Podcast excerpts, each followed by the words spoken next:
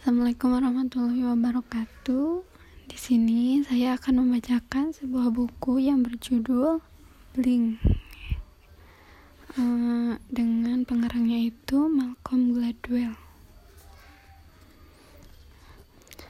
Kita langsung mulai saja ya ke pembahasan yang pertama. Yaitu dari pendahuluannya patung yang tampak kurang pas. Dalam bulan September 1983, seorang pedagang barang seni bernama Gian Franco Becina datang ke museum J. Paul Getty di California.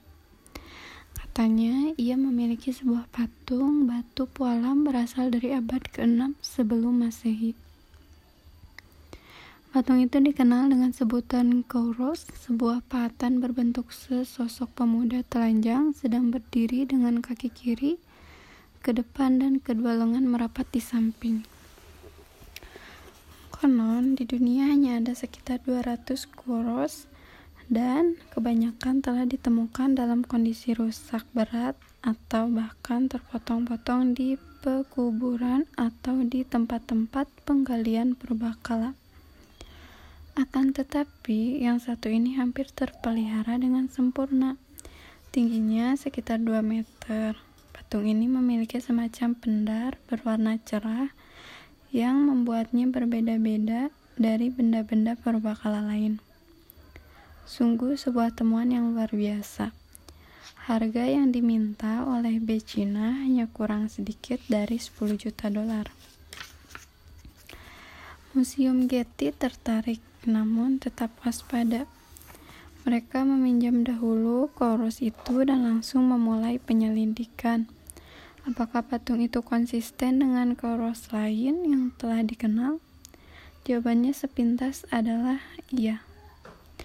Gaya pahatannya cenderung mengingatkan orang pada koros Anafisos di Museum Arkeologi Nasional Athena. Berarti patung itu tidak mustahil berasal dari tempat dan waktu yang kurang lebih sama. Di mana dan kapan patung itu ditemukan?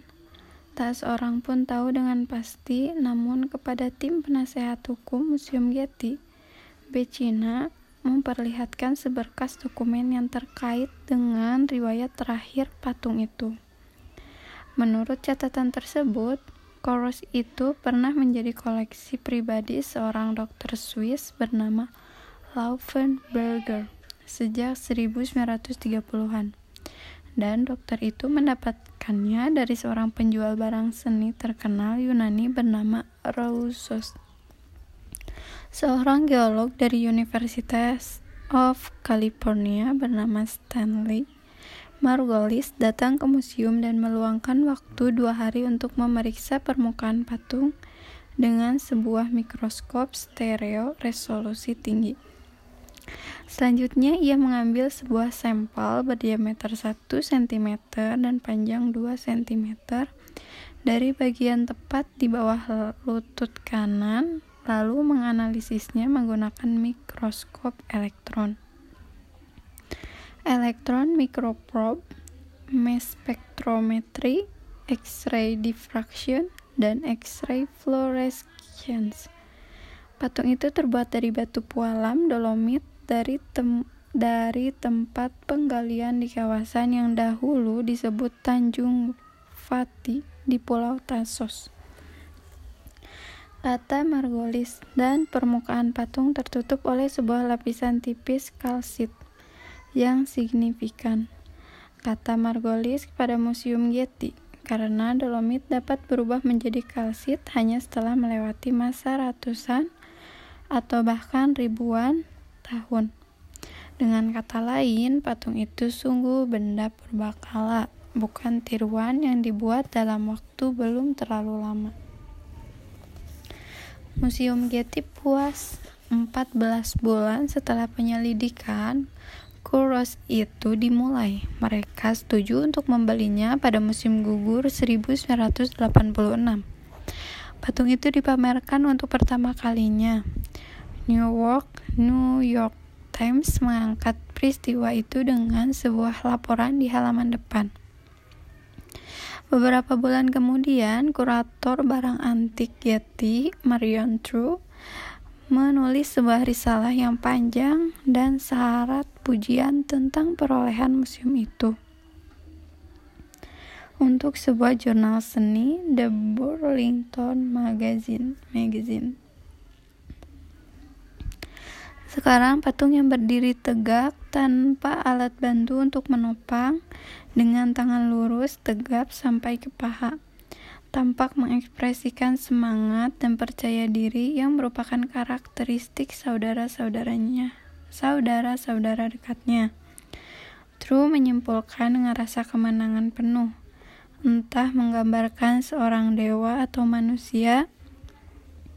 Ia mengemas seluruh energi yang terpancar dari dunia seni barat pada awal perkembangannya. Kendati pun demikian, Koros itu menyimpan sebuah masalah. Ia tampak kurang pas. Yang pertama kali mengungkapkan keraguan ini adalah seorang pakar sejarah seni Italia bernama Federico Zeri yang juga anggota yang juga anggota badan pengurus Museum Getty. Ketika Zeri dibawa ke studio restorasi museum guna mengamati sang Kouros dalam bulan Desember 1983, ia secara tak sengaja memerhatikan pahatan di bagian kuku. Meskipun belum bisa menjelaskan secara langsung, ia merasa bahwa di situ ada yang salah. Orang berikutnya adalah Evelyn. Evelyn Harrison ia salah seorang pakar terkemuka di dunia dalam seni pahat Yunani dan ia berada di Los Angeles mengunjungi Museum Getty tepat sebelum museum men menuntaskan urusan jual beli dengan Becina. Arthur Houghton yang ketika itu menjabat kurator mengantar kami melihatnya.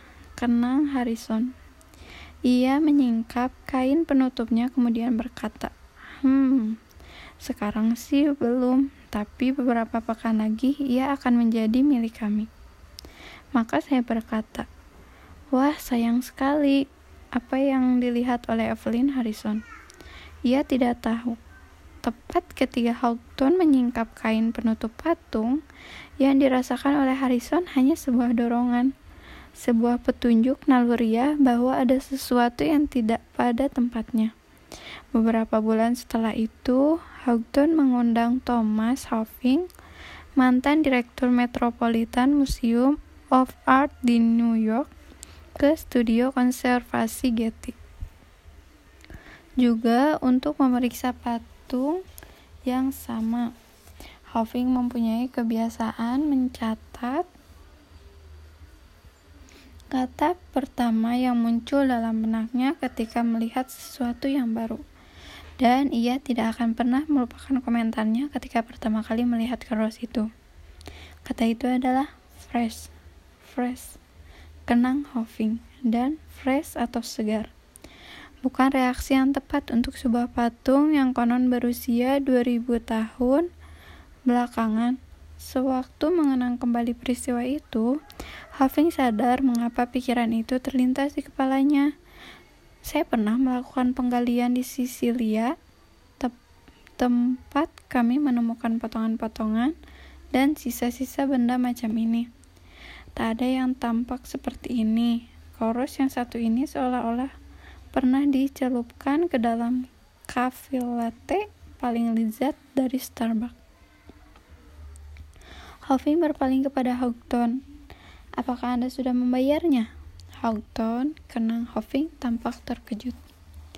Kalau sudah, cobalah mengambil uang Anda kembali, kata Hoffing. Kalau belum, jangan. Pengelola Getty menjadi cemas, maka mereka sengaja menyelenggarakan sebuah simposium khusus untuk koros ini di Yunani. Mereka mengemas patung itu, mengirimnya ke Athena, dan mengundang para ahli pahat paling senior di negeri itu. Kali ini decak kaget lebih seru lagi. Evelyn Harrison kebetulan berdiri di sebuah seorang pria bernama George Despinis, kepala museum Acropolis di Athena. ia cukup melihat sekali ke patung itu dan wajahnya langsung berubah. Siapa pun yang pernah melihat sebuah patung, siapa pun yang pernah melihat sebuah patung yang dikeluarkan dari dalam tanah, katanya kepada wanita itu, pasti bisa mengatakan bahwa benda ini belum pernah terkubur dalam tanah. Georgios Dontas, ketua Perhimpunan Arkeologi di Athena, melihat patung itu dan ia langsung merinding. Sewaktu pertama kali memperhatikan kauros itu, katanya, saya merasa seolah-olah ada selai kaca di antara saya dan karya itu. Pendapat Dontas dalam simposium itu digenapi oleh Angelos Deliforias, Deliforias Direktur Museum Benaki di Athena. Ia bicara panjang lebar mengenai kontradiksi antara gaya pahatan di sini dengan kenyataan bahwa batu pualamnya memang berasal dari Tasos. Kemudian ia mengungkapkan kesimpulannya. Mengapa ia berpendapat patung ini palsu? Sebab ketika pertama kali melihatnya, katanya ia merasakan sebuah gelombang penolakan intuitif saat simposium berakhir, konsensus di antara sebagian besar yang hadir tampaknya adalah bahwa Kauros itu sama sekali bukan Kauros asli. Museum Getty dengan para pengacara dan ilmuannya serta penyelidikan berbulan-bulan yang sungguh tidak mudah telah sampai ke satu kesimpulan. Sedangkan beberapa pakar seni pahat Yunani terkemuka di dunia cukup dengan melihat patung itu dan merasakan penolakan intuitif. Mereka masing-masing sampai kepada satu kesimpulan lain. Siapa yang benar?